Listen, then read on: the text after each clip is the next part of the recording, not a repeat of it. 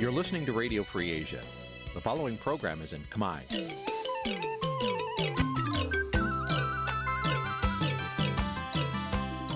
Nǐ chi càm bi tiệp xáy vệt chiu a zì sê ray នេះជាកម្មវិធីផ្សាយរបស់ Vithu Azisari ជាភាសាខ្មែរ វត្តឈូអាស៊ីសេរីសូមស្វាគមន៍លោកអ្នកនាងទាំងអស់ពីរដ្ឋធានី Washington នៃសហរដ្ឋអាមេរិកបាទពីរដ្ឋធានី Washington ខ្ញុំបាទសនចាររថាសូមជម្រាបសួរលោកអ្នកនាងអ្នកស្ដាប់វិទ្យុអាស៊ីសេរីទាំងអស់ជាទីមេត្រីខ្ញុំបាទសូមជូនកម្មវិធីផ្សាយសម្រាប់ព្រឹកថ្ងៃអង្គារ7ខែខែសាទឆ្នាំខាលចត្វាស័កពុរសករាជ2566ត្រូវនៅថ្ងៃទី5ខែកក្កដាគ្រិស្តសករាជ2022បានជាដំបូងនេះសូមអញ្ជើញលោកអ្នកនាងស្ដាប់ព័ត៌មានប្រចាំថ្ងៃដែលមានមេត្តាដូចតទៅ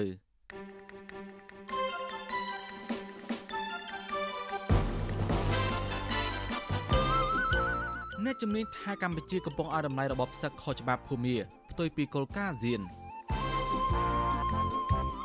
ប្រជាប្រដ្ឋនៅតែរន្ធត់ចិត្តចំពោះឃាតករដែលបានបាញ់សម្លាប់បណ្ឌិតកែមលីមេឃុំគណៈបកភ្លើងទៀនខេត្តកំពង់ធំប្រកាសចំហបំរើបរដ្ឋដល់មរើអើងក្នុងថ្ងៃឡើងកណ្ដាលអំណាចថ្ងៃដំបូងគ្រួសារសកម្មជនគណៈបកភ្លើងទៀន បន្តស្នើសុំតុលាការខេត្តពោធិ៍សាត់ឲ្យដល់លែងប្តីនៅពុករបស់ពួកគេរួមនឹងព័ត៌មានផ្សេងៗមួយចំនួនទៀត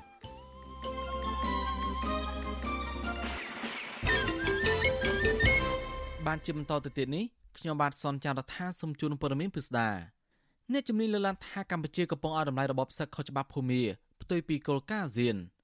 ការលើកឡើងនេះធ្វើឡើងស្របពេលដែលប្រេសិតពិសេសអាស៊ាន ស្ដីពីបញ្ហាមីយ៉ាន់ម៉ាលោកប្រាក់សុខុន ទើបតែបញ្ចប់ដំណើរទស្សនកិច្ចការងារជាលើកទី2ទៅកាន់ប្រទេសភូមាហើយលោកនៅតែខកខានមិនអាចជួបដំណើររដ្ឋាភិបាលរួមរំជាតិ NUG តំណាងដែលមានដំណំស្របច្បាប់របស់ភូមាដដែលបាទពីរដ្ឋធានីវ៉ាស៊ីនតោនលោកមេរិតរាយការណ៍ព័ត៌មាននេះអ្នកជំនាញវិជាសាស្ត្រនយោបាយនិងកិច្ចការអន្តរជាតិលោកអែមសវណ្ណារាក៏សម្គាល់ថាដំណើរទស្សនកិច្ចការងារលើកទី2របស់លោកប្រាក់សុខុនក្នុងនាមជាប្រិសិទ្ធពិសេសរបស់អាស៊ាន ស្ដីពីបញ្ហាមីយ៉ាន់ម៉ានេះ មិនទទួលបានលទ្ធផលជាផ្លែផ្កាដែលអាចឈានទៅបញ្ចប់ចំនួននយោបាយនៅភូមាបាននោះទេលោកផ្ដល់អំណះអំណាងថាការនេះគឺដោយសារតែកម្ពុជាជាប្រធានបដូវវេនរបស់អាស៊ាន កំពុងឲ្យតម្លៃលើរបបសឹកយោធាភូមាខុសច្បាប់ផ្ទុយទៅនឹងគោលការណ៍នៃកិច្ចព្រមព្រៀងជាឯកច្ឆន្ទ5ចំណុចរបស់អាស៊ាន ហើយមិនបានជួបជាមួយតំណាងរដ្ឋាភិបាលរួមរួមជាតិហៅកាត់ថា NUG របស់ភូមាដដែល ដោយឡែកអាស៊ានបានងាកមកជជែកឬក៏ចរចាជាមួយនឹងរដ្ឋាភិបាលយុតិនឹងច្រើនឬក៏ឲ្យតម្លៃថាហាក់ដូចជាស្មើមុខស្មើមាត់ហើយដូចជាប្រជុំរដ្ឋមន្ត្រីការពារជាតិកាលពីខែមិថុនានៅថ្ងៃទី22 23កន្លងទៅនេះហើយនឹងនៅពេលដែលជួបរឿងរដ្ឋមន្ត្រីដែលសសរស្ដំមួយទៀតហ្នឹងគឺសង្គមវប្បធម៌ជាដើមគឺសុទ្ធតែជួបក្នុងលក្ខណៈគេហៅថារដ្ឋនឹងរដ្ឋហើយដូច្នេះវាពិបាកនឹងជំរុញឲ្យមានការងាកមកចរចាឬក៏ជជែកជាមួយនឹងរដ្ឋាភិបាលរួមជាតិឡើងវិញ NUG នេះខ្ញុំគិតថាពិបាកដោយសារតែអាស៊ានហាក់ដូចជានៅក្នុងក្របខ័ណ្ឌមួយយើងថាមិនតន់ទទួលស្គាល់ផ្លូវការប៉ុន្តែយើងឲ្យតម្លៃរដ្ឋាភិបាលជូធានឹងបណ្ដាបណ្ដាទៅហើយបាទប្រេសិតពិសេសរបស់អាស៊ានស្ដីពីបញ្ហាមីយ៉ាន់ម៉ានិងជារដ្ឋមន្ត្រីការបរទេសកម្ពុជា លោកប្រាក់សុខុនបានបញ្ចប់ដំណើរទស្សនកិច្ចការងារជាលើកទី2រយៈពេល3ថ្ងៃរបស់លោក ទៅកាន់ប្រទេសភូមា ក្នុងអ្វីមួយដែលលោកអះអាងថាដើម្បីតាមដានការវិវត្តនៃការអនុវត្តកិច្ចព្រមព្រៀងជាឯកច្ឆន្ទ5ចំណុចរបស់អាស៊ាន ដោយរបបសឹកភូមាក្នុងដំណើរទស្សនកិច្ចការងារជាលើកទី2ក្នុងនាមជាប្រិស័ទពិសេសរបស់អាស៊ាន លោកប្រាក់សុខុននៅតែមិនត្រូវបានរបបសឹកយោធាភូមាអនុញ្ញាតឲ្យជួបជាមួយមេដឹកនាំភូមាស្របច្បាប់ អ្នកស្រីអ៊ុងសានស៊ូជីដែលត្រូវបានរបបសឹកបញ្ជូនទៅឃុំខ្លួនក្នុងពន្ធនាគារតែឯនោះ សេចក្តីថ្លែងការណ៍របស់ក្រសួងការបរទេសកម្ពុជាផ្សាយកាលពីថ្ងៃទី4ខែកក្កដាឲ្យដឹងថាលោកប្រាក់សុខុនបានគូបញ្ជាក់ឡើងវិញពីការអំពាវនាវរបស់លោកឲ្យបញ្ចប់អំពើហិង្សានៅភូមាដែលលោកបានស្នើឲ្យរបបសឹកភូមាអនុញ្ញាតឲ្យមានការចែកចាយចំនួនមនុស្សធម៌ប្រកបដោយសុវត្ថិភាពទាន់ពេលវេលានិងដោយមិនរើសអើងទៅដល់ពលរដ្ឋភូមានៅតាមតំបន់ឆ្ងាយឆ្ងាយដែលពិបាកទៅដល់លោកក៏បានអំពាវនាវឲ្យដោះលែងអ្នកទោស ព្រមទាំងស្នើសុំជួបជាមួយអ្នកស្រីអ៊ុងសាងស៊ូជី និងអ្នកស្រីស៊ូស៊ូវីនដែលជាភរិយារបស់អតីតប្រធានាធិបតីភូមានិងជាតំណាងរាស្ត្ររបស់គណៈបកសម្ព័ន្ធដើម្បីលទ្ធិប្រជាធិបតេយ្យហៅកាត់ថា NLD កក៏ប៉ុន្តែរដ្ឋមន្ត្រីការបរទេសនៃរបបសឹកខុសច្បាប់ភូមា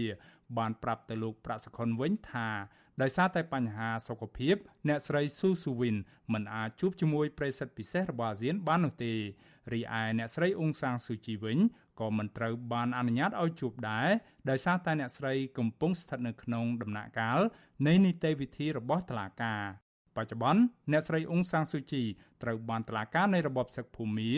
កាត់ទោសឲ្យជាប់គុករយៈពេល11ឆ្នាំនិងកំពុងប្រឈមទៅនឹងបទចោទជាច្រើនករណីផ្សេងទៀតដែលអាចឲ្យអ្នកស្រីជាប់គុករហូតដល់ទៅជាង180ឆ្នាំ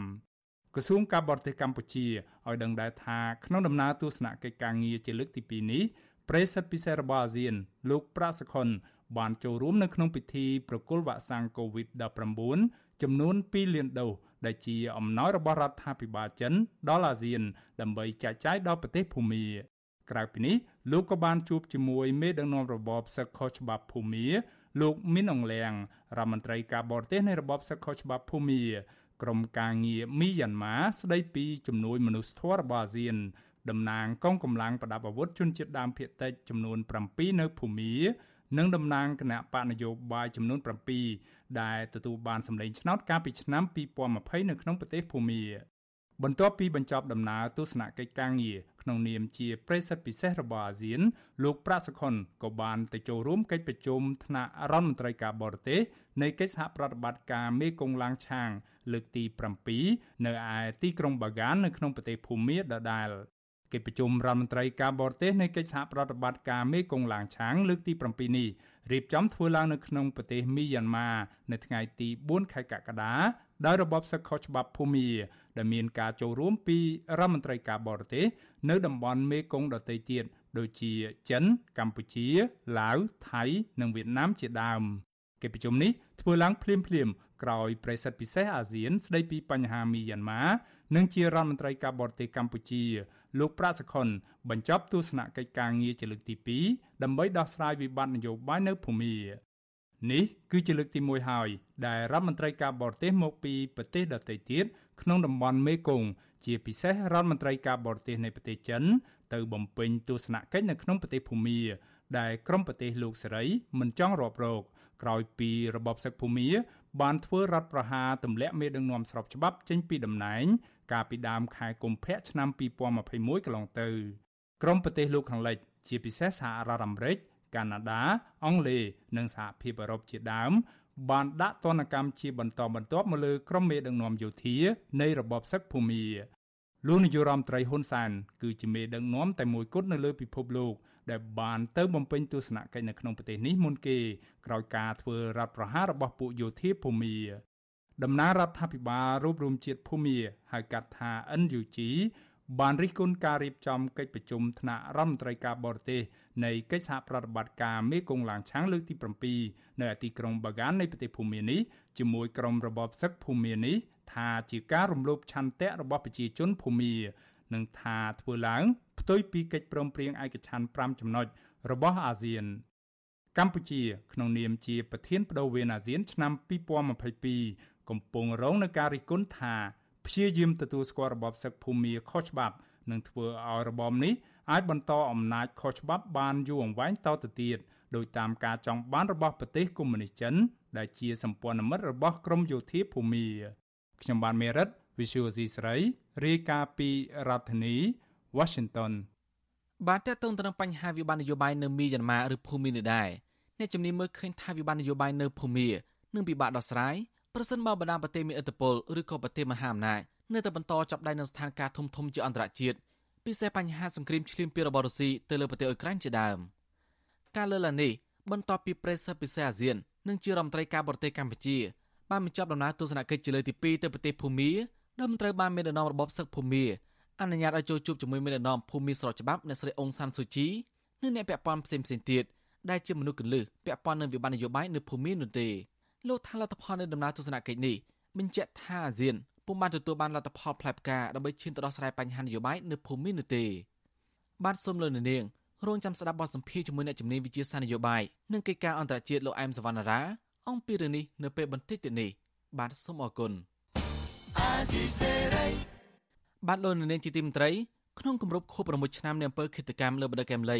នៅថ្ងៃទី10ខែកក្កដាឆ្នាំនេះ ប្រជាប្រដ្ឋក្មេងចាស់ប្រុសស្រីរួមទាំងប្រជាកសិករនិងប្រសង់លើកឡើងថាពួកគាត់នៅតែគោរពស្រឡាញ់ចងចាំដល់វីរភាពរបស់បណ្ឌិតកែមលីជានិច្ចនិងដិតដាមនៅក្តីរន្ធត់សោកស្ដាយចំពោះឃាតករដែលបានបាញ់សម្លាប់លោកទាំងកដាថ្ងៃនៅក្រុងភ្នំពេញកាលពីថ្ងៃទី10ខែកក្កដាឆ្នាំ2016ប្រជាប្រដ្ឋនិងមន្ត្រីសង្គមស៊ីវិលនៅតែទទូចដល់រដ្ឋាភិបាលស៊ើបអង្កេតដោយឯករាជ្យតាមចាំអ្នកពាក់ព័ន្ធទាំងអស់និងឃាតករពិតប្រាកដដាក់ទោសដើម្បីលុបបំបាត់អំពើនេតនភាពក្នុងសង្គម និងផ្ដល់យុត្តិធម៌ដល់ជនរងគ្រោះបាទពីរដ្ឋធានីវ៉ាស៊ីនតោនលោកសេមដិតរាយការណ៍ព័ត៌មាននេះប្រជាពលរដ្ឋព្រះសង្ឃនិស្សិតបញ្ញវន្តលើកឡើងថាធ្វើត្បិតបណ្ឌិតកែមលីត្រូវបានឃាតករឆក់យកជីវិត រយៈពេល6ឆ្នាំកន្លងមកហើយក៏ពួកគាត់នៅតែនឹករលឹកវីរភាពរបស់លោកនិងមានក្តីសោកសង្រេងនៅពេលដែលពួកគាត់បានស្ដាប់ប្រសាសន៍លោកបណ្ឌិតកែមលីដែលបានចាក់ផ្សាយឡើងវិញនៅតាមបណ្ដាញសង្គមនានា ព្រះសង្ឃមួយអង្គដែលតែងតែឈឺឆ្អាលនឹងបញ្ហាសង្គមជាតិនិងធនធានធម្មជាតិគឺព្រះដេចគុណប៉ោមសុខៃវណ្ណៈមានធរៈដីកាប្រាប់បទសុអសីសេរី នៅថ្ងៃទី4កក្កដាថាព្រះអង្គនៅតែមានសេចក្តីនឹករលឹកនិងរន្ធត់ចិត្តនៅពេលស្រមៃឃើញរូបភាពនៃខ្មាន់កំភ្លើង បានបាញ់សម្លាប់បណ្ឌិតកែមលី កាលពីឆ្នាំ2016ព្រះដេចគុណលើកឡើងថាបណ្ឌិតកែមលី កាលលោកនៅមានជីវិត លោកតែងតែដំកល់ផលប្រយោជន៍ប្រទេសជាតិជាធំជាងអ្វីអ្វីទាំងអស់សូម្បីតែជីវិតរបស់លោក ក្នុងការផ្ដល់ទស្សនៈនិងផ្នត់គំនិតដល់ប្រជាពលរដ្ឋជាពិសេសក្រមយុវជនចំនួនក្រោយឲ្យមានភាពក្លាហានងើបតតាំងនឹងអំពើជិះជាន់និងអំពើអយុត្តិធម៌ពីសំណាក់អ្នកមានលុយមានអំណាច ដែលកំពុងកើតមានពីពេញសង្គមកម្ពុជា យុវជនយើងប្រងៃយើងគួរតែលះបង់លះបង់សេចក្តីសុខខ្លួនឯងដើម្បីជាតិឲ្យបានច្រើនសង្គមបច្ចុប្បន្ននេះយើងមិនអាចចាំបានយូរទៀតបានទេព្រោះសូមចរើនពោថាប៉ុណ្ណឹងមិនអាចចាំយូរបានទេគឺយើងយុវជនយើងគួរតែមានស្មារតីស្រឡាញ់ជាតិមាតុភូមិនេះហើយមិនអាចចាំដល់ពេលដែលទៅមុខ4 10 20ឆ្នាំឬអាចរៀនជាប់ទេគឺយើងចាប់ផ្ដើមធ្វើឥឡូវនេះគឺយកគាត់ជាគំរូភាពតែគាត់ហ៊ានលះបង់ពលីជីវិតគ្រប់បែបយ៉ាងគាត់ដើម្បីសង្គមជាតិរបស់យើងយើងគួរតែលះបង់ព្រោះសង្គមខ្មែរយើងសពថ្ងៃនេះគឺពោពេញទៅដោយអយុត្តិធម៌ទឹកភ្នែករះគ្រប់បែបយ៉ាងវាមិនមាននៅសេចក្តីសុខឬសន្តិភាពណាមួយឡើយពលរដ្ឋម្នាក់រស់នៅខេត្តតាកែវលោកសឿនពិសិដ្ឋលើកឡើងថាការបាត់បង់បណ្ឌិតកែមលី គឺជាការបាត់បង់នៅវីរភាពស្នេហាជាតិដែលជាធនធានជាតិដ៏កម្រទោះយ៉ាងណាលោកមើលឃើញថា រហូតមកដល់ថ្ងៃគម្រប់ខួប6ឆ្នាំនៃឃាតកម្មលើលោកបណ្ឌិតកែមលីរដ្ឋាភិបាល និងស្ថាប័នពាក់ព័ន្ធមិនបានបង្ហាញវិសាលភាពក្នុងការស៊ើបអង្កេតរកមុខឃាតករពិតប្រាកដយកបផ្ដន់ទាទោសដើម្បីផ្ដល់យុត្តិធម៌ដល់ក្រុមគ្រួសារបណ្ឌិតកែមលីនៅឡើយទេ លោកគ្រូក្រែមនេះគឺជាមនុស្សម្នាក់ដែលជួយកម្មភាពសង្គមច្រើនហើយជាគំរូល្អតែការមរណភាពរបស់គាត់គឺជាមរណភាពមួយដែលជាអយុត្តិធម៌សម្រាប់គាត់ដែលគេអនុវត្តនីតិវិធីច្បាប់នេះថាជាតឡាការស្រមោលជាតឡាការតេលេសម្រាប់នៅស្រុកខ្មែរយើងយើងទាំងអស់គ្នាត្រូវតែបន្តនៅសកម្មភាពនិងមើលល្អល្អសម្រាប់ជួយសង្គមយើងត្រូវចេះទៀមទានៅតម្លៃនៃសិទ្ធិមនុស្សទាំងអស់គ្នាស្រដៀងគ្នានេះដែរកម្មករអូរទេសបន្លែម្នាក់រស់នៅក្នុងក្រុងប៉ោយប៉ែត សុំមិនបញ្ចេញឈ្មោះបានថ្លែងថាករណីឃាតកម្មលើលោកបណ្ឌិតកែមលីកន្លងមកនេះលោកមិនជឿថាមានឃាតករតែម្នាក់ឈ្មោះជួបសម្រាប់នោះទេដោយសារតែលោកយល់ថាលោកបណ្ឌិត គឺជាអ្នកវិភាគម្នាក់ដែលតែងតែនិយាយរិះគន់ចំចំទៅកាន់រដ្ឋាភិបាលនិងអ្នកមានអំណាចមួយចំនួន ដែលតែងតែរំលោភបំពានដីធ្លីប្រជាពលរដ្ឋលោកយល់ថាការសម្លាប់បណ្ឌិតកែមលី គឺជាការគម្រាមកំហែងដល់ធនធានបញ្ញវន្តចំនួនក្រោយ និងអ្នកវិភាគដទៃទៀតដែលគេមិនចង់ឲ្យមានការលើកឡើងពីបញ្ហាសង្គមនិងការខ្វាយខ្វល់អំពីរឿងប្រទេសជាតិទាំងមូល។ សោកស្ដាយហើយគាត់ជាបណ្ឌិតហើយអ្នកចេះដឹងគាត់ប្រភេទចំចំហើយត្រូវចំណុចព្រោះខ្ញុំតាមមើលស្ដាប់គាត់រហូតដែរណាព្រោះខ្ញុំចូលចិត្តគាត់អាហ្នឹងគេគេគម្រាមម្នាក់អញ្ចឹងគេវាយ100នាក់អញ្ចឹងមកឲ្យយើងប្រជាពលរដ្ឋងើបតវ៉ាងើបដឹងឮអីពីប្រទេសជាតិហ្នឹងឯងខ្ញុំប្រជាពលរដ្ឋដែរខ្ញុំក៏ដឹងដែរប៉ុន្តែយើងនិយាយមិនកើតយើងបានតែមើលហើយបានតែទុកក្នុងចិត្តហើយបានតែការជួយជោគចាប់ ដោយឡែកពលរដ្ឋដែលជាជនជាតិភេតិចគួយម្នាក់រស់នៅខេត្តមណ្ឌលគិរី គឺលោកស្រីតេះស្រីនិចថ្លែងថាធ្វើត្បិតលោកស្រីមិនដែលបានស្គាល់ជួបផ្ទាល់ជាមួយបណ្ឌិតកែមលីប៉ុន្តែលោកស្រីអះអាងថាលោកស្រីស្គាល់លោកបណ្ឌិតច្បាស់ដោយកាលពីលោកនៅមានជីវិតបណ្ឌិតកែមលីតែងតែចុះមកសិក្សានៅតំបន់ភូមិភាគឦសាន និងតែងតែផ្ដល់នៅក្តីស្រឡាញ់រាប់អានជាមួយជនជាតិដើមភាគតិចតែតែគាត់ ជាមនុស្សម្នាក់ដែលគាត់ឆ្លាញ់ចង់និយាយថាឆ្លាញ់ប្រជាពលរដ្ឋគឺក៏ហៅថាគាត់ជាមនុស្សម្នាក់ដែលជួយចិត្តការពារផលប្រយោជន៍ឯប្រទេសជាតិនៅពេលដែលអញ្ចឹងទៅគេឃើញគាត់ស្លាប់ដោយអណច្ចធម៌ដូចគ្មានធម៌មេត្តាអញ្ចឹងយើងមើលណាប្រហែលជាមានមនុស្សច្រើនដែលនឹកឃើញពីទស្សនៈរបស់គាត់ណារីឯកោតក្រម្នាក់ដែលកំពុងតស៊ូមតិទាមទារសិទ្ធិសេរីភាពពីក្រុមហ៊ុនបលបែងកាស៊ីណូ Naga World វិញគឺកញ្ញាផុនករណាសោកស្ដាយ ដែលវរៈជនស្នេហាជាតិបណ្ឌិតកែមលីដែលតែងតែបណ្ដុះផ្នត់គំនិតឲ្យប្រជាពលរដ្ឋខ្មែរគ្រប់ស្រទាប់វណ្ណៈចេះឈឺឆ្អាលស្រឡាញ់ជាតិមាតុភូមិក៏ប៉ុន្តែត្រូវបានឃាតករបាញ់សម្លាប់លោកចោលទៅវិញកញ្ញាបន្តថាទស្សនៈមួយចំនួនរបស់បណ្ឌិតកែមលី បានជ្រួតជ្រាបដល់ពលរដ្ឋជាច្រើន ជាពិសេសដល់បញ្ញវន្តផ្ទាល់ឲ្យហ៊ានងើបឡើងតតាំងនឹងការជិះជាន់បំបិតសិទ្ធិសេរីភាពដោយដែលក្រមកោតក្រកំពុងតស៊ូមតិ ទាមទារសិទ្ធិសេរីភាពការងារបើទោះបីជាមានការធ្វើទុកបុកម្នេញពីអាជ្ញាធរយ៉ាងណាក្តីកញ្ញាលើកឡើងនៅទស្សនៈបណ្ឌិតកែមលីមួយឃ្លាថាបើអ្នកមិនធ្វើអ្វីសោះអ្នកក៏ខ្លាចជាអ្នករងគ្រោះដែរគ្រាន់តែមិនទាន់ដល់វេនអ្នកតែប៉ុណ្ណោះដូច្នេះកញ្ញាថាប្រជាពលរដ្ឋទាំងអស់គួរតែចេះចាប់ផ្ដើមឈឺឆ្អាលពីបញ្ហាអយុត្តិធម៌នៅក្នុងសង្គមបញ្ហារបស់ខ្ញុំផ្ទាល់រាល់ថ្ងៃនេះគឺលក្ខណៈថាគាត់ចង់បង្កើនស្មារតីឲ្យយើងចេះ ខក ឡើងតស៊ូត្រូវហ៊ានតតាំងនៅបញ្ហាយើងត្រូវហ៊ានងើបឈរចំពោះរឿងអ្វីដែលវាអយុត្តិធម៌រឿងអ្វីដែលគេគៀបសង្កត់យើងអញ្ចឹងយើងយើងត្រូវហ៊ានក្រោកឈរយើងត្រូវហ៊ានតវ៉ាទាមទារប្រជាពលរដ្ឋមួយចំនួនហ្មងគឺខ្ញុំហ៊ាននិយាយថាគឺគាត់ទៅតែជួបទុកខ្លួនជួបខ្លួនឯងផ្ទាល់បានឈឺចាប់បានចេះដឹងថាបញ្ហាហ្នឹងវាពិបាកប៉ុណ្ណាអញ្ចឹងហើយមើលឃើញថាពលរដ្ឋចំនួនក៏អត់សូវជឿឆ្អាលចំពោះដែលរឿងដែលមិនកើតលើគាត់ទេអញ្ចឹងគឺសូមបើសិនជាអាចសូមឲ្យគាត់ផ្ដល់ការបដូរការគិតបញ្ហានេះក៏វាជាបញ្ហារបស់ប្រជាពលរដ្ឋខ្មែរទាំងអស់ចា៎ចំណែកអាជីវករលក់ដូរនៅផ្សារចាស់ក្នុងខេត្តសៀមរាបឯនោះវិញគឺលោកស្រីទេពកញ្ញាថ្លែងថា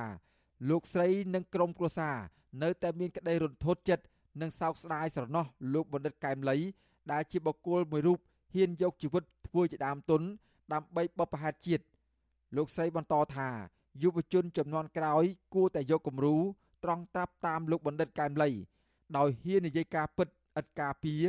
ដើម្បីសង្គមជាតិកម្ពុជាប្រែក្លាយជាប្រទេសមួយ មាននីតិរដ្ឋពិតប្រាកដ។ ខ្ញុំធ្លាប់បានស្ដាប់គាត់ច្រើនកាលពីមុនណាកាលពីកាត់នៅធ្វើជាវាគ្មិនអីហើយមកដល់ឥឡូវនិយាយពីអារម្មណ៍ពិតក៏នៅតែស្ដាយស្ដាយរហូតអារម្មណ៍នៅតែដដែលមានអារម្មណ៍ថាពីមុនពេលតនេ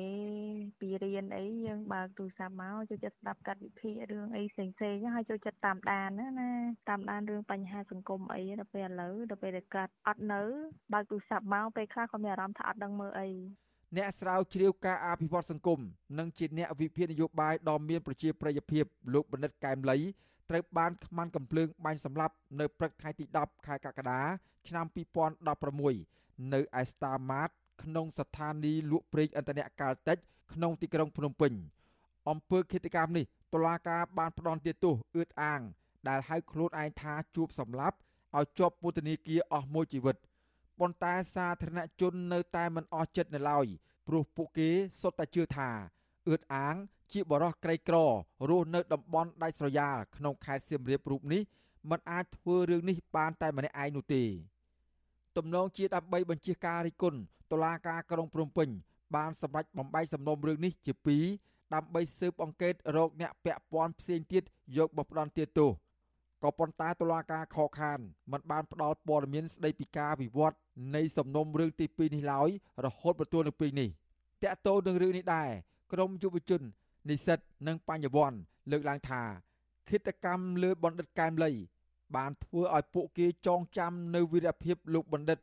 និងដិតដាមអារម្មណ៍តក់ស្លុតចំពោះគិតករដែលបានឆក់យកជីវិតរបស់លោកនិស្សិតម្នាក់ដែលកំពុងសិក្សាជំនាញការអភិវឌ្ឍសហគមន៍ គឺកញ្ញាវុឌ្ឍនារី លើកឡើងថាទោះបីជាគិតកោបានឆក់យកជីវិតបណ្ឌិតកែមលីអស់រយៈពេល6ឆ្នាំមកហើយក្តីក៏នៅមានពលរដ្ឋនិងក្រុមយុវជន បានត្រង់ត្រាប់ដើរតាមមាគ៌ារបស់លោកបណ្ឌិតកែមលីនិងលះបង់ផលប្រយោជន៍ផ្ទាល់ខ្លួន ដើម្បីងើបប្រឆាំងនឹងអំពើអយុត្តិធម៌ក្នុងសង្គមដើម្បីបបផាតជាតិដូចជាលោកបណ្ឌិតដែរ យុវជនមួយចំនួនគាត់មើលឃើញគំរូល្អរបស់គាត់ហ្នឹងហើយបានធ្វើឲ្យគាត់នៅតែមានភាពតស៊ូបើទោះបីជាការតស៊ូហ្នឹងវាមានភាពតិចក្តីតូចក្តីបើទោះបីជាតស៊ូអ្នកខ្លះតស៊ូខាងផ្នែកកម្លាំងកាយអ្នកខ្លះក៏មានជាសម្ភារៈហ្នឹងឬក៏ជារឿងមួយប៉ុន្តែទៅតាមការភ័យខ្លាចហ្នឹងយើងក៏មានការតស៊ូផ្សេងផ្សេងយើងយើងគិតទៅលើការលះបង់របស់គាត់ដែរក្នុងឱកាសគម្រប់ខួប6ឆ្នាំនៃគិតកម្មបណ្ឌិតកែមលីមជ្ឈមណ្ឌលសិទ្ធិមនុស្សកម្ពុជាហៅកាត់ថា CCHR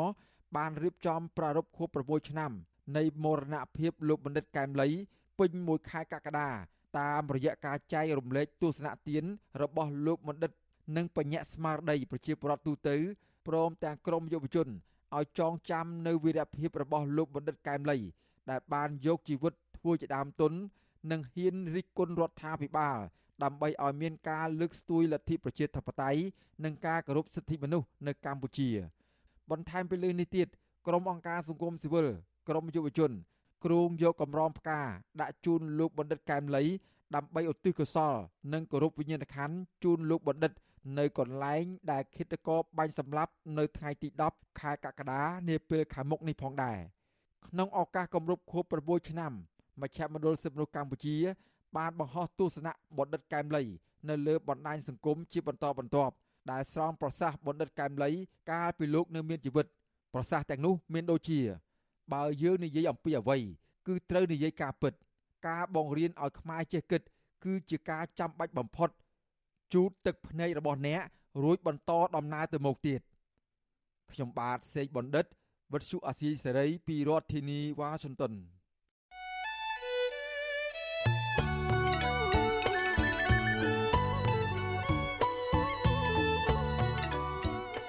បានលោកនៅនាងជាទីមន្ត្រី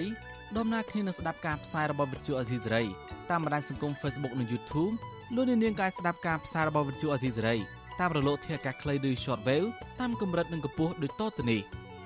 ពេលព្រឹកចាប់ពីម៉ោង5កន្លះដល់ម៉ោង6កន្លះតាមរយៈរលកធាតុអាកាសខ្លី12140 kHz ស្មើនឹងកម្ពស់ 25m និង13715 kHz ស្មើនឹងកម្ពស់ 22m ពេលយប់ចាប់ពីម៉ោង7កន្លះដល់ម៉ោង8កន្លះ តាមរយៈរលកធាតុអាកាសខ្លី9960 kHz ស្មើនឹងកម្ពស់ 30m 12140 kHz ស្មើនឹងកម្ពស់ 25m និង11885 kHz ស្មើនឹងកម្ពស់ 25m បាទសូមអរគុណ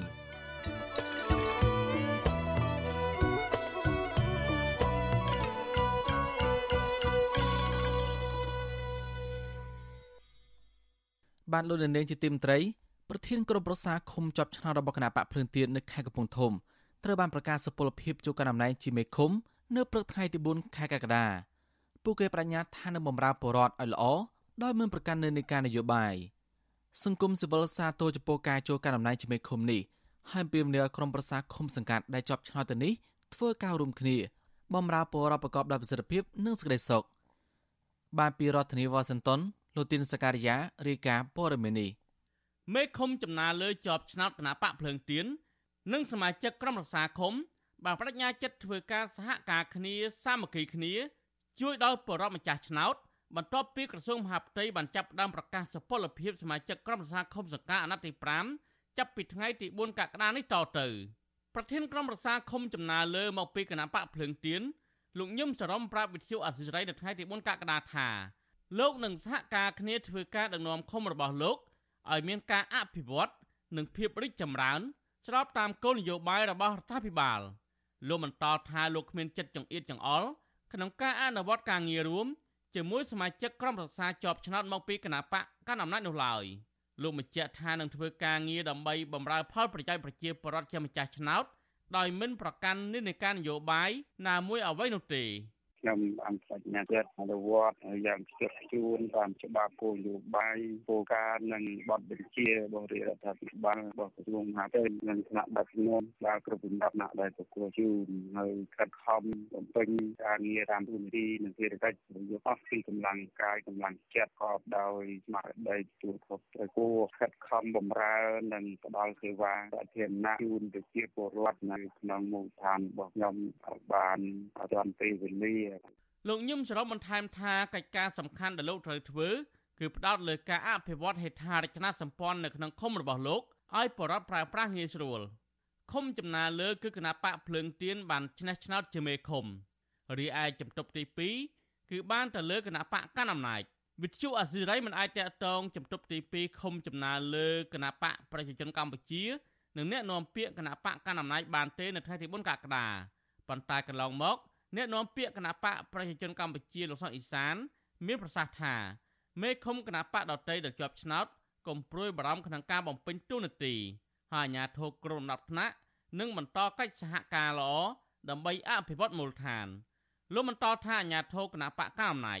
នឹងមិនរើសអើងនានាការនយោបាយជាមួយគណៈបកនយោបាយដទៃទេ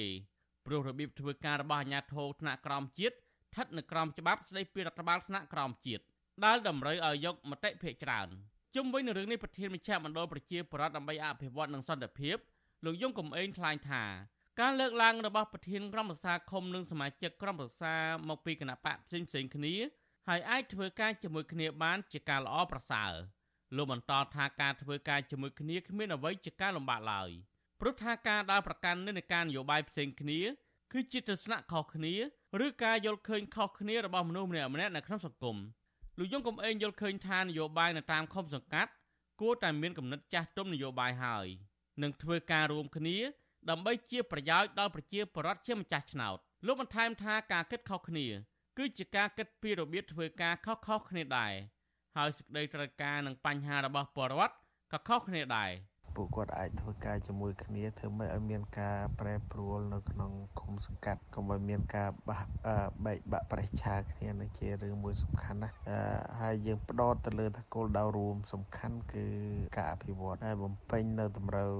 ការរបស់ប្រជាពលរដ្ឋដោះស្រាយនៅបញ្ហារបស់ប្រជាពលរដ្ឋខ្ញុំថារឿងទាំងអស់នេះគឺសំខាន់ហើយស្របតាមអ្វីដែលជាគោលការណ៍នៃការបង្កើតក្រុមប្រឹក្សាឃុំសង្កាត់ដែរបាទ ការបោះឆ្នោតឃុំសង្កាត់អាណត្តិទី5ធ្វើឡើងកាលពីថ្ងៃទី5ខែមិថុនាកន្លងទៅគណៈបកភ្លើងទៀនឈ្នះបានអាសនៈជិត2200អាសនៈនិងជាប់ជាមេឃុំចំនួន4ឃុំ គឺឃុំចំណាលើឃុំដងនិងឃុំក្រយាខេត្តកំពង់ធំ និងមួយឃុំទៀតនៅខេត្តកំពង់ចាមកន្លងមកពួកគេបានបញ្ញាចិត្តថា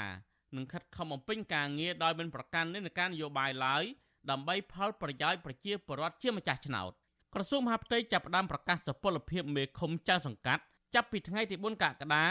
រហូតដល់ថ្ងៃទី9កក្កដាក្នុងនោះខេត្តដែលប្រកាសសុពលភាពចៅសង្កាត់មានដូចជាខេត្តបន្ទាយមានជ័យខេត្តបៃលិន កំពង់ធំខេត្តកោះកុងកំពត កំពង់ចាម និងខេត្តមួយចំនួនទៀតខ្ញុំទីនសាការីយ៉ាអស៊ីសេរីប្រធានីវ៉ាស៊ីនតោន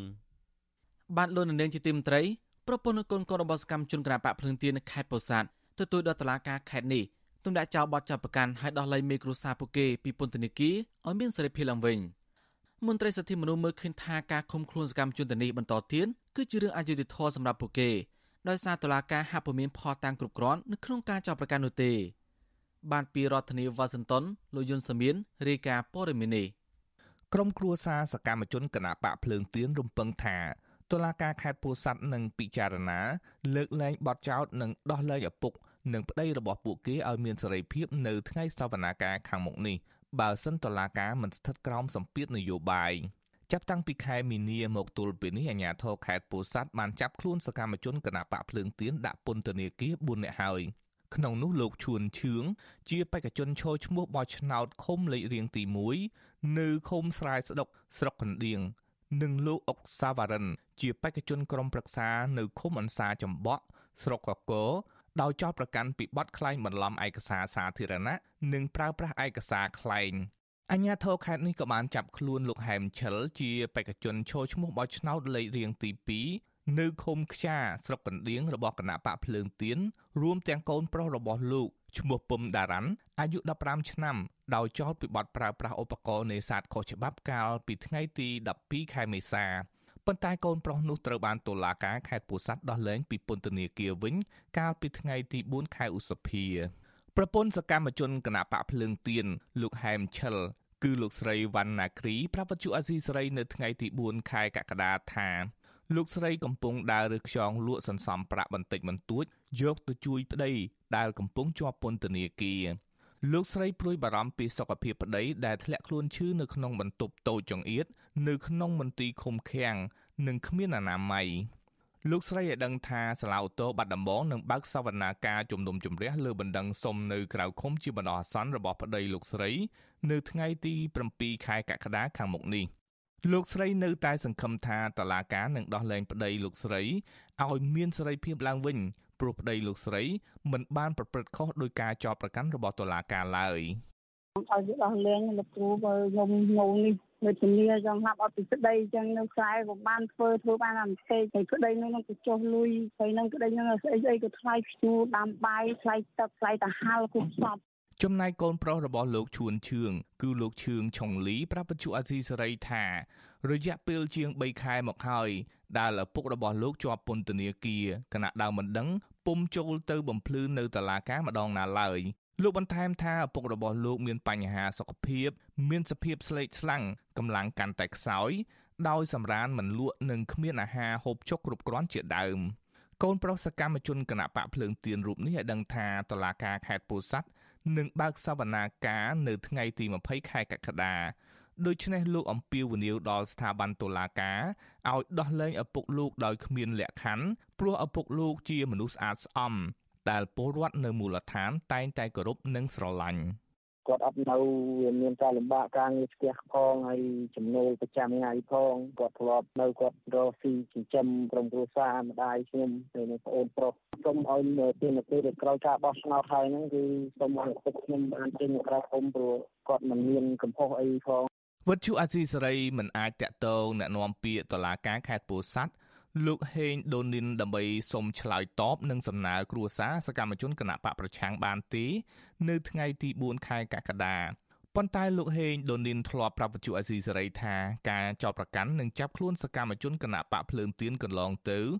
ដោយសារតែពួកគេបានប្រព្រឹត្តបទល្មើសហើយលោកអះអាងថាករណីនេះមិនជាប់ពាក់ព័ន្ធនឹងរឿងនយោបាយនោះទេទោះបីយ៉ាងណាគណៈបកភ្លើងទៀននិងអង្គការសិទ្ធិមនុស្ស ចាត់ទុកការចាប់ខ្លួនបេក្ខជនមេឃុំ និងក្រុមប្រឹក្សាឃុំដាក់ពន្ធនាគារមុនការបោះឆ្នោត ការជ្រើសរើសក្រុមប្រឹក្សាឃុំសង្កាត់កន្លងទៅ គឺជាការគំរាមកំហែងផ្នែកនយោបាយអ្នកឃ្លាំមើលសិទ្ធិមនុស្សនៃអង្គការលីកាដូប្រចាំខេត្តពោធិ៍សាត់អ្នកស្រីមិត្តសាមួនមានប្រសាសន៍ថាការចោទប្រកាន់និងចាប់ខ្លួនសកម្មជនគណបកភ្លើងទៀនដាក់ពន្ធនាគារកន្លងទៅ គឺជារឿងមិនត្រឹមត្រូវនិងអយុត្តិធម៌ ព្រោះអាញាធរហាក់មិនមានភ័ស្តុតាងរឹងមាំដើម្បីយកមកចោទប្រកាន់នោះទេអ្នកស្រីយល់ថាតឡាការគួរដោះលែងសកម្មជនទាំងនោះឲ្យជួបជុំគ្រួសារឡើងវិញច្បាប់ក៏យើងបានចែងថាជនជាប់ឃុំមានសិទ្ធិស្នើតុលាការនៅក្រៅឃុំហើយនៅក្នុងករណីពួកគាត់នេះតុលាការបែរជាសម្រាប់អីចឹងណាហើយតែចំណុចរឿងផ្សេងផ្សេងដែលមានលក្ខណៈធូនល្មមប្រាក់ខែពួកគាត់ដែរតុលាការបែរជាសម្រាប់ខ្ញុំគិតថាវាអយុត្តិធម៌សម្រាប់ពួកគាត់ដែរ សាច់ញាតិនិងអង្គការសង្គមស៊ីវិលជាតិបានចាត់ទុករឿងក្តីក្តាំនេះថាជាការធ្វើទុកបុកម្នេញផ្នែកនយោបាយនិងថ្កោលទោសរបបលោកនាយករដ្ឋមន្ត្រីហ៊ុនសែនចំពោះការប្រើប្រាស់ប្រព័ន្ធតុលាការដើម្បីបង្ក្រាបសម្លេងគណៈបកនយោបាយដែលលេចធ្លោនិងជាដៃគូប្រកួតប្រជែងក្នុងការបោះឆ្នោតជាមួយគណៈបកកណ្ដាលអំណាចពួកគេស្នើឲ្យតុលាការទម្លាក់ចោលការចោទប្រកាន់និងដោះលែងជនជាប់ឃុំទាំងនោះឲ្យមានសេរីភាពវិញដោយគ្មានលក្ខខណ្ឌ ខ្ញុំយុនសាមៀនវិទ្យុអាស៊ីសេរីប្រធានាធិបតី Washington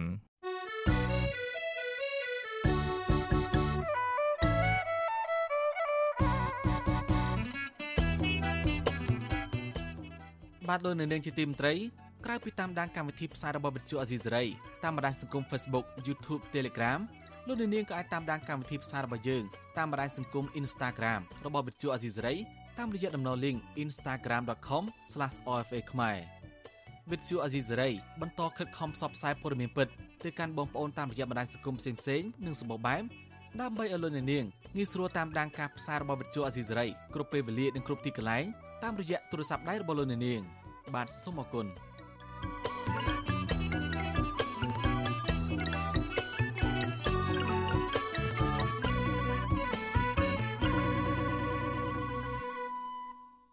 បាទលោកនាងជាទីមត្រី ជនជាដើមភេតិភ្នោជាច្រើនគ្រួសារនៅខេមរដូគិរីកំពុងខ្វល់ខ្វាយខ្លាចក្រែងបាត់បង់ទីកន្លែងដាំដុះបង្កបង្កើនផលចិញ្ចឹមជីវិតដោយសារក្រុមអ្នកមានអំណាចកំពុងយកគ្រឿងចាក់ឈូសឆាយរំលោភយកដីសមរភាពរបស់ពួកគាត់ដើម្បីគ្រប់គ្រងជាទ្រព្យឯកជនពួកគាត់អន់ចិត្តទៅនឹងភាពងើយកតាយរបស់អាញាធរដែលបណ្ដោយឲ្យអ្នកមានអំណាចឈូសឆាយដីសមរភាពអស់ជាង10ហិកតានៅរយៈពេលមួយសប្តាហ៍ចុងក្រោយនេះ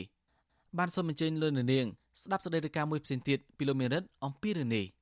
ជនជាតិដើមភាគតិចភ្នង13គ្រួសាររស់នៅភូមិពូឆប់ឃុំដាក់ដាំស្រុកអូរាំងកំពុងស្វែងរកកិច្ចអន្តរាគមន៍ទៅអាជ្ញាធរមូលដ្ឋាន និងអភិបាលស្រុកអូរាំងដើម្បីរកយុត្តិធម៌ករណីដីសមរភាពទំហំជាង70ហិកតា ដែលពួកគាត់អាស្រ័យផលបែបប្រពៃណីជាយូរមកហើយហើយបច្ចុប្បន្នកំពុងប្រឈមទៅនឹងការបាត់បង់ដោយការច្បាមយកជាបន្តបន្ទាប់អ្នកភូមិបានកំណត់អត្តសញ្ញាណអ្នកមានអំណាច2នាក់ ថាជាមេខ្លោងច្បាមយកដីនេះគឺឈ្មោះអ៊ុំណាគ្រី និងម្នាក់ទៀតឈ្មោះពៅសូរិយាតំណាងជនជាតិដើមភាគតិចភ្នង លោកថូសេឡាប្រាវិសុយស៊ីស្រីនៅថ្ងៃទី4ខែកក្កដាថាដីសមរភាពទាំងនេះអ្នកភូមិ13គ្រួសារបានអាស្រ័យផលជាង30ឆ្នាំមកហើយដោយមានដីខ្លះមានការទទួលស្គាល់ដោយអាជ្ញាធរភូមិនិងឃុំ លោកថាដីនៅតំបន់នោះគឺជាអាយុជីវិតរបស់អ្នកភូមិហើយប៉ះសិនបើអាជ្ញាធរមិនព្រមដោះស្រាយឲ្យពួកគាត់នោះទេនោះពួកគាត់នឹងគ្មានដីដាំដុះបង្កបង្កើនផលចិញ្ចឹមជីវិតទៀតទេលោកបានថែមថាបរិះឈ្មោះពៅសូរិយារស់នៅរាជធានីភ្នំពេញពួកលោកមិនដឹងថាធ្វើការនៅស្ថាប័នណាទេក៏ប៉ុន្តែបរិះរូបនោះ មានមហិច្ឆតាកាន់កាប់ដីនៅតំបន់នោះទាំងមូល លើសពីនេះទៀតបុគ្គលម្នាក់នេះមានពាក់ព័ន្ធទៅនឹងមន្ត្រីយោធាផ្កាយពីរម្នាក់ឈ្មោះអ៊ុំណាគ្រី ដែលបានខົບខិតគ្នា រំលោភយកដីសមរភាពរបស់ពួកគាត់ជាង70ហិកតា ដើម្បីគ្រប់គ្រងជាទ្រព្យបុគ្គល គាត់មានទេស្រែចម្ការប៉ុណ្ណឹងបើបើឈូសឆាយរបស់គាត់នឹងអស់គឺមានតែគាត់នៅផ្ទះដេកទឹកភ្នែកទឹកសបោប៉ុណ្ណឹងបងដោយសាររាល់ថ្ងៃហ្នឹងគាត់មានការលំបាកច្រើនអ្នកខ្លះយំអ្នកខ្លះស្រែកហើយគ្មានពីណាគេមកដោះស្រាយអោយទេបងអើយគេនោះគេមានលុយមានកាក់អញ្ចឹងហើយបើគាត់មានលុយគ្មានកាក់អោយគេអញ្ចឹងបើវាគេមិនមែនមកដោះស្រាយអោយទេបងមើលទៅបរោះដដែលបន្ថែមថាមកទល់ពេលនេះសកម្មភាពឈូសឆាយដីបានផ្អាកហើយ ដោយសារអ្នកភូមិបានលើកគ្នាតវ៉ាអស់រយៈពេល3ថ្ងៃជាប់ជាប់គ្នាក៏ប៉ុន្តែពួកគាត់បារម្ភថាក្រុមឈ្មួញទាំងនេះនឹងបន្តលួចឈូសឆាយដីនៅថ្ងៃខាងមុខទៀតប៉ះសិនបើគ្មានការដោះស្រាយបានច្បាស់លាស់ពីសំណាក់អាជ្ញាធរមូលដ្ឋាននោះទេ លោកថាដីសមរភាពទំហំសរុបជាង70ហិកតាស្ថិតនៅចំណុចអូតូកមានព្រៃរិចរិល ព្រៃពនេចោដីកប់សពនិងដីចំការវិលជុំហើយប្រសិនបើបាត់បង់ទៅ អ្នកភូមិនឹងជួបនៅការលំបាកខ្លាំងផ្នែកជីវភាព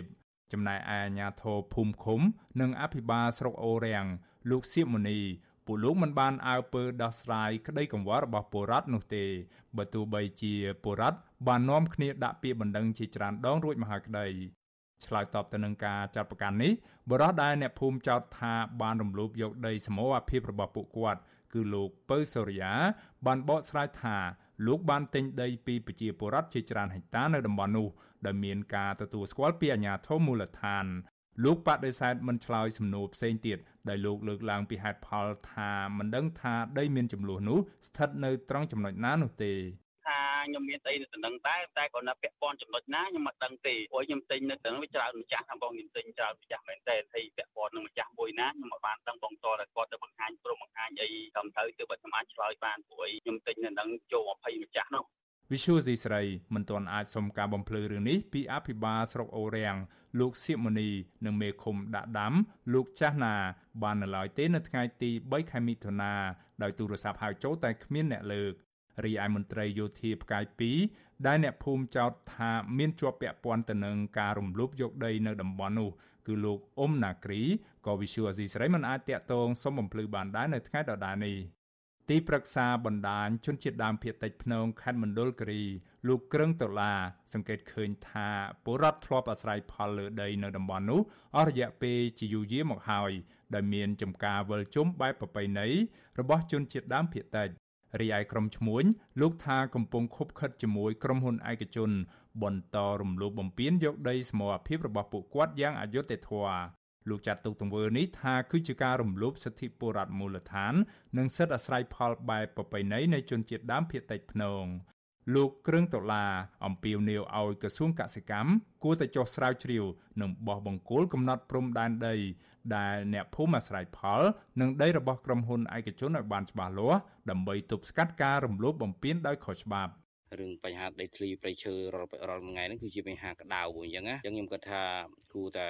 ចាប់អារម្មណ៍មែនតើរដ្ឋបាលហ្នឹងគួរតែចាប់ផ្ដើមកាត់ក្រុមការកម្មការស្រាវជ្រាវឲ្យជាលក្ខថាដីរបស់រដ្ឋប្រមាណហើយដីរបស់ឯកជនប្រមាណហើយគួរតែកាត់ខ្វៀលឲ្យបែងចែកឲ្យច្បាស់លាស់ដើម្បីឲ្យស្រួលក្នុងការប្រមមើលក្នុងការថែរក្សា ជុំវិញរឿងនេះមន្ត្រីពង្រឹងសិទ្ធិអំណាចសហគមន៍មូលដ្ឋាននៃសមាគមការពារសិទ្ធិមនុស្សអាត6លោកប៉ែនបូណាលោកបញ្យល់ថាដីសមរភាពជាទ្រព្យសាធារណៈរបស់រដ្ឋហើយប៉ះសិនបើមានការទិញលក់គឺជាទង្វើខុសច្បាប់លោកថាអាញាធរពពាន់ដែលចុះហត្ថលេខាផ្ទេរសិទ្ធិកាន់កាប់ដីធ្លីប៉ះចំដីសាធារណៈរបស់រដ្ឋក៏ជាទង្វើល្មើសច្បាប់ផងដែរលោកប៉ែនបូណាទាមទារឲ្យអាជ្ញាធរខេត្តមណ្ឌលគិរី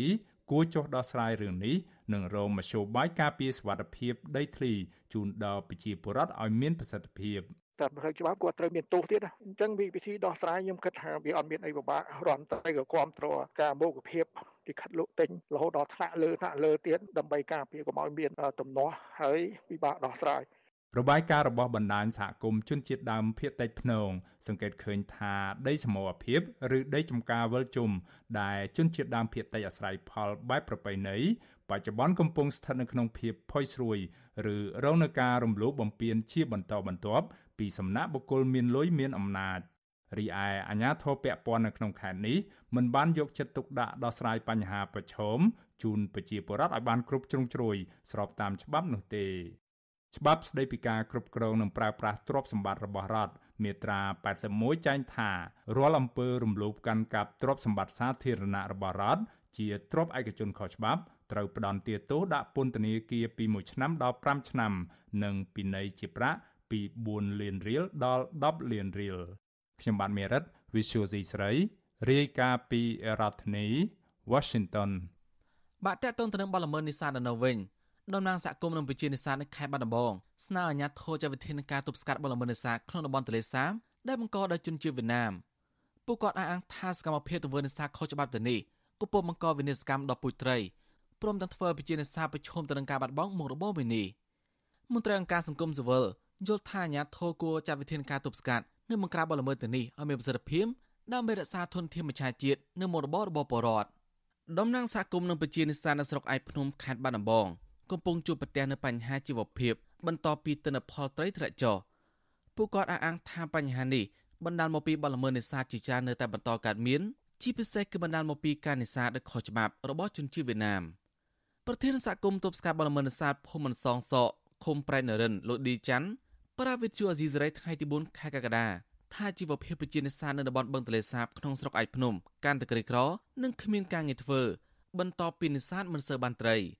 លោកបន្តថាទិន្នផលត្រីធ្លាក់ចុះពីមួយឆ្នាំទៅមួយឆ្នាំដោយសារសកម្មភាពបលល្មើសនេសាទនៅតែបន្តកើតមានបើទោះបីជានាយករដ្ឋមន្ត្រីហ៊ុនសែនបញ្ជាបង្ក្រាបកាលពីពេលថ្មីៗនេះយ៉ាងណាក្តីលោកបន្តថាជនជាតិវៀតណាមប្រើប្រាស់បកខុសច្បាប់នេសាទដែលធ្វើប៉ះពាល់ដល់ជីវៈចម្រុះគ្រប់ប្រភេទក្នុងទឹកនិងកាន់តែហិនហោចទៅលោកស្នើអាញាធរជលផលសហការជាមួយសហគមន៍ទប់ស្កាត់បលល្មើសនេសាទទាំងនេះឲ្យមានប្រសិទ្ធភាពជាជាបង្កើតសហគមន៍ទុកចោលមិនមានការសហការគ្នា។ អូមកនៅខាងទលេសាបបតាវិញឥឡូវនេះមុខលបនោះវានេសាទឥឡូវនេសាទបលេងមានស្អីរោឥឡូវឡើងមកកាប់ព្រៃកាប់អីដាំអីដាំអីណាវិញរាល់ថ្ងៃនេះនិយាយទៅសហគមន៍នេះសូមសំណូមពរដល់រដ្ឋាភិបាលនោះមកកើតសហគមន៍មកហើយកុំឲ្យស្ទេចចោលអញ្ចឹងកើតទេបើសហគមន៍នេះការពារបទល្មើសនេសាទខុសច្បាប់នឹងកាត់បន្ថយពេលក្រីក្រចំនួនរដ្ឋាភិបាលការពារព្រៃឈើការពារមច្ឆាជាតិហើយបើកើតគ្នាមកអត់មានគិតជួយជួយអីសោះតែឲ្យគ្នាមើលការខុសត្រូវដោយលុយខ្លួនឯងអីខ្លួនឯងសត្វស្រាទៅវាមិនត្រឹមត្រូវទេធ្វើអញ្ចឹងចំណែកប្រជានេសាទម្នាក់ទៀតនៅភូមិប្រៃត្រប់ឃុំប្រៃនរិនលោកឌីផលីរៀបរាប់ដឹងថាប្រជានេសាទមួយចំនួន ជាពិសេសជនជាតិវៀតណាមប្រើប្រាស់បកកខុសច្បាប់ដូចជាអួនរាវប្រដាប់ឆក់សម្រាប់នេសាទត្រីហើយពុំដែលមានអាជ្ញាធរណាមកបង្ក្រាបបទល្មើសទៅនេះឡើយទេលោកបន្តថាប្រសិនបើការនេសាទបែបនេះនៅតែបន្តកើតមាននឹងធ្វើទិន្នផលត្រីកាន់តែធ្លាក់ចុះហើយហាក់បំបាច់ឆ្នាំងបាយរបស់អ្នកនេសាទដូចនេះដែរ លោកស្នើអាជ្ញាធរពាក់ព័ន្ធចាត់វិធានការបង្ក្រាបបទល្មើសទៅនេះឲ្យមានប្រសិទ្ធភាពស្របតាមការបញ្ជារបស់នាយករដ្ឋមន្ត្រីហ៊ុនសែនពីមុនជាគាត់យើងនិយាយការផលត្រីមួយធ្លាក់ចុះគាត់ជីវភាពគាត់ក្រាន់បងដល់ពេលអាជីវភាពត្រីវាធ្លាក់ចុះចេះពូជត្រីវានេះយើងឥឡូវយើងរោនេសាក៏មិនសូវបានសងៃជាបរដ្ឋពឹងពាក់រើត្រីនេះដល់ឥឡូវអត់មានត្រីមានអីមានអាចំណាក់ស្រុកខ្លះអីខ្លះនឹងទិញត្រីយួនហូបខ្លះខ្លះចំណូលគ្រួសារគាត់រោក៏មិនសូវបានដែរឥឡូវបងឆ្លើយតបទៅនឹងបញ្ហានេះ នេះខារដ្ឋបាលជលផលខេត្តបាត់ដំបងលោកជួងសុភាប្រាប់វិទ្យុអេស៊ីសរ៉ៃថាបច្ចុប្បន្ននេះមិនមានបលល្មើសនេសាទធំធំនៅបឹងទន្លេសាបទៀតទេលោកបន្តថាក្រមការងារថ្នាក់ជាតិនិងថ្នាក់ខេត្តបានមកក្រាបបលល្មើសនេសាទជាច្រើនករណីមកហើយដែលក្នុងនោះភ ieck ច្រើនរឹបអូសបានតែឧបករណ៍តែប៉ុណ្ណោះលោកបន្ថែមថាអាញាធននៅតែបន្តបង្ក្រាបបលល្មើសនានានៅតំបន់បឹងទន្លេសាបហើយផ្ដន់ទាទោចំពោះអ្នកដែលប្រព្រឹត្តបទល្មើសទាំងនោះទៅតាមផ្លូវច្បាប់ យើងនៅតែបន្តបន្តបង្ក្រាបរហូតនឹងតែក្នុងករណីដែលវាធន់ធ្ងរហើយយើងចាប់បានគឺយើងបញ្ជូនទៅតុលាការហើយបាត់មើលធំធំនៅកណ្ដាលទន្លេសាបមិនមានទៀតទេព្រោះយើងបានដាក់ទីបញ្ជាការស្រាលនៅតាមបណ្ដាខេត្តជុំវិញបឹងទន្លេសាបព្រោះយើងមានទៀតទៅហើយអញ្ចឹងព្រោះមានមានតែបាត់មើលតូចតាចតូចតាចតែនៅមាត់ព្រៃនៅក្នុងព្រៃទឹកវាទៅមរើបន្តិចនេះទេបាទជុំវិញរឿងនេះអ្នកសម្របសម្រួលផ្នែកខ្លមើការរំលោភសិទ្ធិនៃអង្គការលីកាដូប្រចាំខេត្តបាត់ដំបងលើអិនកញ្ចិតមានប្រសាសន៍ថាអាញាធមូលដ្ឋាន គួរពិនិត្យតាមដាននិងដាក់កម្លាំងបង្ក្រាបបលល្មើសនេសាទទាំងអស់ជាពិសេសនៅរដូវត្រីពងដើម្បីធានានូវជីវភាពរបស់ពលរដ្ឋទូទៅនិងទិន្នផលត្រីលោកបន្តថាអាញាធរគួរសហការជាមួយសហគមន៍ដើម្បីបែងចែកតំបន់នេសាទជាលក្ខណៈគ្រួសារនិងត្រូវណែនាំពីការប្រើប្រាស់ឧបករណ៍ស្របច្បាប់និងការអភិរក្សត្រីជាដើម។ ចឹងរឿងហ្នឹងមានតែរដ្ឋបាលជលផលហើយជាមួយនឹងខាងនគរបាលបាទនគរបាលឃុំដែលនៅទីហ្នឹងដើម្បីសហការគ្នាណាបាទហើយបើសិនជាខកខានមិនបានបង្ក្រាបទេវានឹងអាចធ្វើឲ្យចេះតែមានបទល្មើសនឹងជាបន្តបន្ទាប់ទៀតបាទកាលពីថ្ងៃទី23ខែមីនាលោកនាយករដ្ឋមន្ត្រីហ៊ុនសែនបានបញ្ជាអាជ្ញាធរគ្រប់ជាន់ថ្នាក់ជាភាសាពិបាលខេត្តទាំង6ជុំវិញបឹងទន្លេសាបបង្ក្រាបនិងលុបបំបាត់បលល្មើសនេសាទទាំងអស់នៅផ្ទៃបឹងទន្លេសាប លើពីនេះលោកក៏បានបញ្ជាប្រាប្រាធម្មភិកចៈបើកប្រតិបត្តិការបង្ក្រាបជលមើទៀតផងតាមរបាយការណ៍រដ្ឋបាលជលផលខេត្តបាត់ដំបងបង្ហាញថាបលល្មើសជលផល3ខែដំបូងក្នុងឆ្នាំ2022មានចំនួន38ករណីក្នុងនោះមានការកសាងសំណុំរឿងបញ្ជូនទៅតុលាការ5ករណីហើយបានរកអូវត្ថុតាមនៃបលល្មើសរួមមានរបាំងសាច់អួនសាច់ស្បៃមុងប្រវែងលូស្បៃមុងលបបង្គោលឈើនិងរស័យអាំងវេទ័រអាគុយនិងដងឆក់ បើទោះបីជាមានការបង្ក្រាបយ៉ាងនេះក្តីក៏ប្រព័ន្ធនៅតំបន់បឹងទលេសាបអះអាងថាពួកគេនៅតែឃើញបលល្មើសនេសាទកើតមានជាហូរហែមកវិញហើយកំពុងតែបន្តការព្រួយបារម្ភដល់ប្រជានេសាទនិងអ្នកបរិស្ថានអំពីវាសនាមច្ឆជាតិនៅក្នុងបឹងទលេសាប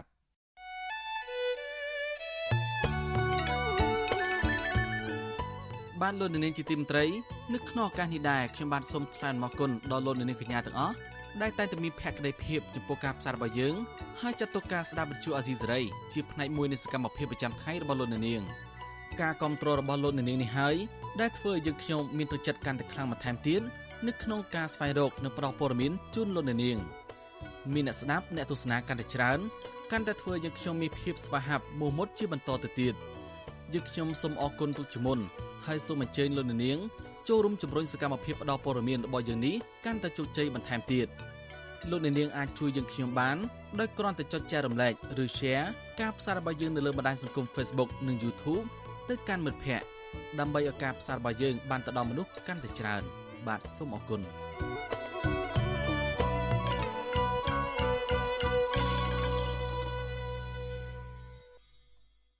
បាទលោកនៅនាងជាទីមត្រី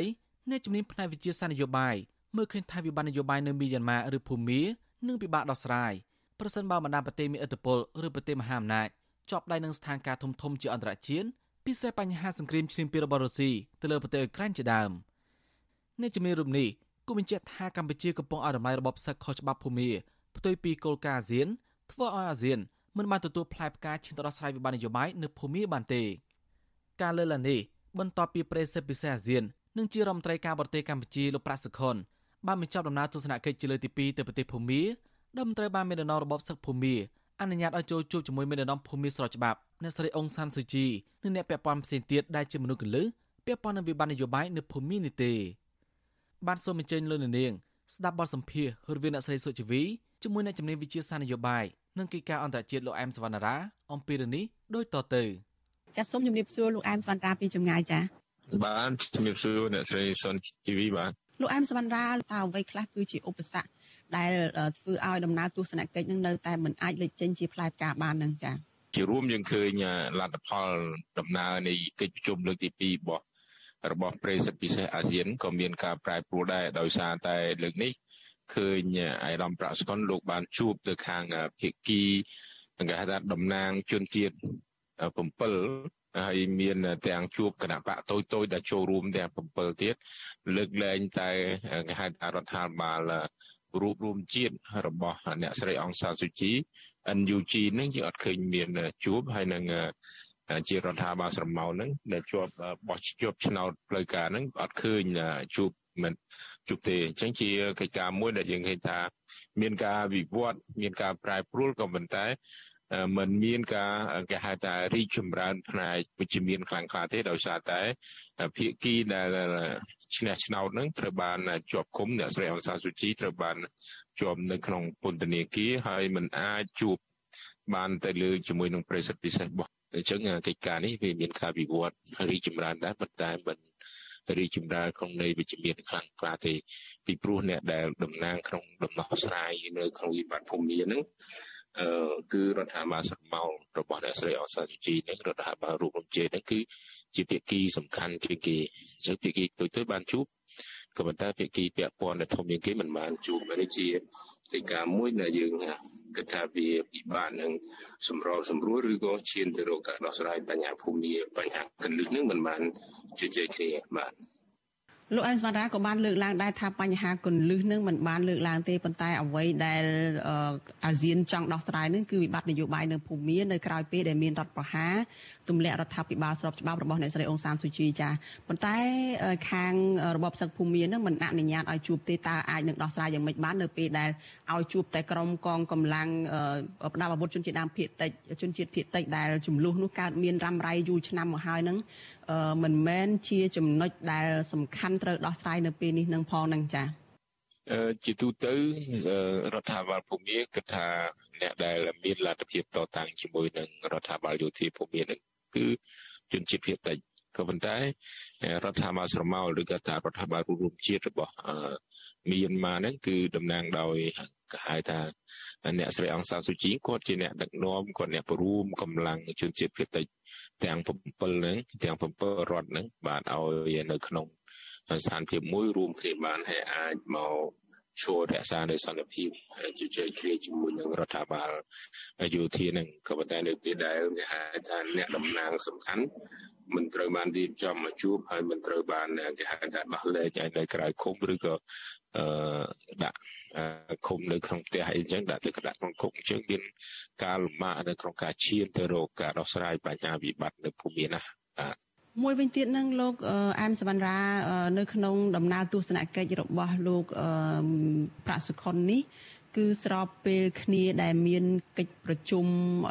មេកងឡានឆាលើកទី7នៅជាជាកម្រិតរដ្ឋមន្ត្រីការបរទេសនៅក្នុងប្រទេស មីយ៉ាន់ម៉ានឹងដែរវាដូចជាស្របគ្នាហើយក៏ជាលើកទី1ដែរដែលមានរដ្ឋមន្ត្រីការបរទេសនៃប្រទេសផ្សេងផ្សេងជាប់នឹងទន្លេមេគង្គនឹងទៅចូលរួម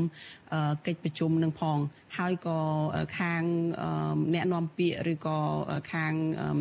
អ្នកដែលគ្រប់គ្រងអ្នកស្រីអង្សានសុជីនឹងបានលើកឡើងហើយថានេះគឺជាការដែលរំលោភឆន្ទៈរបស់ប្រជាប្រដ្ឋភូមាហើយគឺជាការដែល មានកិច្ចប្រជុំផ្លូវការអីដែលអាចថាជាការទទួលស្គាល់រដ្ឋាភិបាលដែលបង្កើតឡើងដោយរបបសឹកភូមានៅពេលនេះផងនឹងតើចំពោះចំណុចនេះកម្ពុជានឹងយ៉ាងម៉េចដែរក្នុងនាមជាប្រធានអាស៊ានប្រិសិទ្ធពិសេសអាស៊ានអីនឹងទៅចូលរួមកិច្ចប្រជុំនឹងតើអាចនឹងមានភាពប្រទាំងប្រទើសអីយ៉ាងម៉េចពីលទ្ធផលនៃការទៅនៅលើកនេះនឹងចា៎ជាទូទៅបើយើងផ្អែកទៅលើគោលការណ៍5ចំណុចដែលបានព្រមព្រៀងគ្នាកាលពីថ្ងៃ24 ខែមេសាឆ្នាំ2021នៅទីក្រុងសាកាតាកាលនោះក៏មានភាគីយុរដ្ឋាភិបាលយោធាចូលរួមដែរហើយបានព្រមព្រៀងគ្នាលោកគោលការណ៍5ចំណុចពាក់ព័ន្ធទៅនឹងការប្រជុំអំពើហិង្សានៅភូមិនេះ ហើយនៅក្នុងដំណើរទស្សនកិច្ចរបស់កម្ពុជាលើកទី1កាលពីខែមករាថ្ងៃទី8មករារបស់នាយករដ្ឋមន្ត្រីកម្ពុជានឹងដែលប្រកាសថាបានលទ្ធផលនៃបទជុំបញ្ញប៉ុន្តែយើងអត់ទទួលបានទេ គឺនៅបន្តអំពើហិង្សាអញ្ចឹងគោលការណ៍5ចំណុចយើងឃើញដំណើរឬក៏នីតិវិធីអាចប្រព្រឹត្តទៅបានតែពាក់ព័ន្ធនឹងកត្តាគេថាជំនឿមនុស្សធម៌ខ្លះ ក៏ប៉ុន្តែមិនបានទូលំទូលាយទៅលើគោលការណ៍ឧទាហរណ៍បទជប់បាញ់ឬក៏បញ្ឈប់អំពើហិង្សាឬក៏ងាកប្រការចរចាឬដោះស្រាយបញ្ហាភូមិនេះមិនត្រូវបានយកមកជជែកដល់កម្រិតជជែកគ្នាទេពីព្រោះភាគីដែលត្រូវជជែកហ្នឹងនៅក្នុងគុកទៅហើយអញ្ចឹងជាបញ្ហាមួយដែលពិបាកអញ្ចឹងបើយើងមើលលក្ខខណ្ឌការជួបលើកនេះហាក់ដូចជាដើរផ្លូវមួយទៀតមិន បានជួបគេហៅថាភាគីជំនួសភូមិទាំងអស់ទេបានជួបភាគីជំនួសដែលមានកម្លាំងប្រវត្តិរបស់ជនជាតិភាគតិចតូចតូចទាំង5មានសានមានការ៉ែនេះជាដើមហ្នឹងក៏ប៉ុន្តែរដ្ឋាភិបាលរួមជាតិរបស់ភូមិហ្នឹងមិនបានជួបទេនេះជាបញ្ហាមួយវាខុសពីគេហៅថាវាខុសពីគោលការណ៍កុងសុងស៊ីសនេះដែល 5ចំណុចដែលលើកឡើងនៅយ៉ាកាតាកាលពីឆ្នាំ2021ហើយដែលសហគមន៍អន្តរជាតិជំរុញឲ្យដោះស្រាយបញ្ហានេះដោយឡែកអាស៊ានបានងាកមកជជែកឬក៏ចរចាជាមួយនឹងរដ្ឋាភិបាលយុតិនឹងច្រើនឬក៏ឲ្យតម្លៃថាហាក់ដូចជាស្មើមុខស្មើមាត់ហើយដូចជាប្រជុំរដ្ឋមន្ត្រីការពារជាតិកាលពីខែមិថុនានៅថ្ងៃទី22 23កន្លងទៅនេះ ហើយនឹងនៅពេលដែលជួបរឿងរដ្ឋមន្ត្រីខាងខេត្តតាសសរស្ដំមួយទៀតហ្នឹងគឺសង្គមវប្បធម៌ជាដើមគឺសុទ្ធតែជួបក្នុងលក្ខណៈគេហៅថារដ្ឋនឹងរដ្ឋហើយដូច្នេះវាពិបាកនឹងជំរុញឲ្យមានការងាកមកចរចាឬក៏ជជែកជាមួយនឹងរដ្ឋាភិបាលរួមជាតិឡើងវិញ NUG នេះខ្ញុំគិតថាពិបាកដោយសារតែអាស៊ានហាក់ដូចជានៅក្នុងក្របខ័ណ្ឌមួយយើងថាមិនតនទទួលស្គាល់ផ្លូវការប៉ុន្តែយើងឲ្យតម្លៃរដ្ឋាភិបាលជូធាហ្នឹង បណ្ដាបណ្ដាទៅហើយបាទ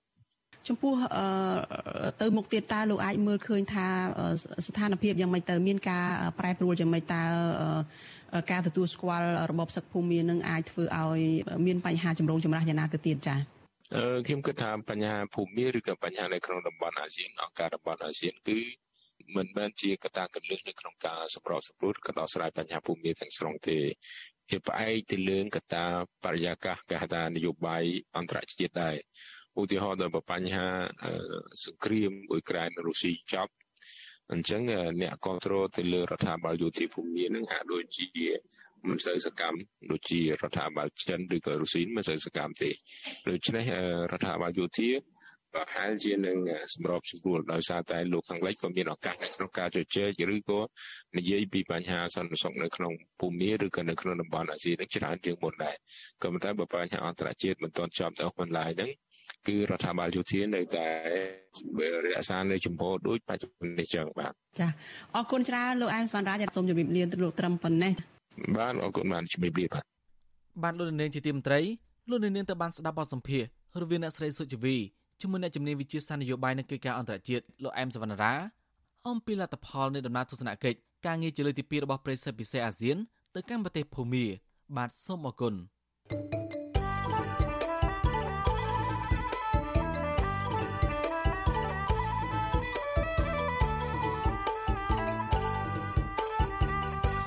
បាទលោកនាងកញ្ញាអ្នកស្ដាប់វិទ្យុអាស៊ីសេរីជាទីមេត្រីការផ្សាយរយៈពេល1ម៉ោងនៃវិទ្យុអាស៊ីសេរីនៅពេលនេះចប់តែប៉ុណ្ណេះ យើងខ្ញុំសូមជូនពរដល់លោកនាងព្រមទាំងក្រុមគ្រួសារទាំងអស់ឲ្យជួបប្រកបតែនឹងសេចក្តីសុខចម្រើនរុងរឿងកុំបីឃ្លៀងឃ្លាតឡើយខ្ញុំបាទសនចាររថាព្រមទាំងក្រុមការងារទាំងអស់នៃវិទ្យុអាស៊ីសេរីសូមអគុណនិងសូមជម្រាបលា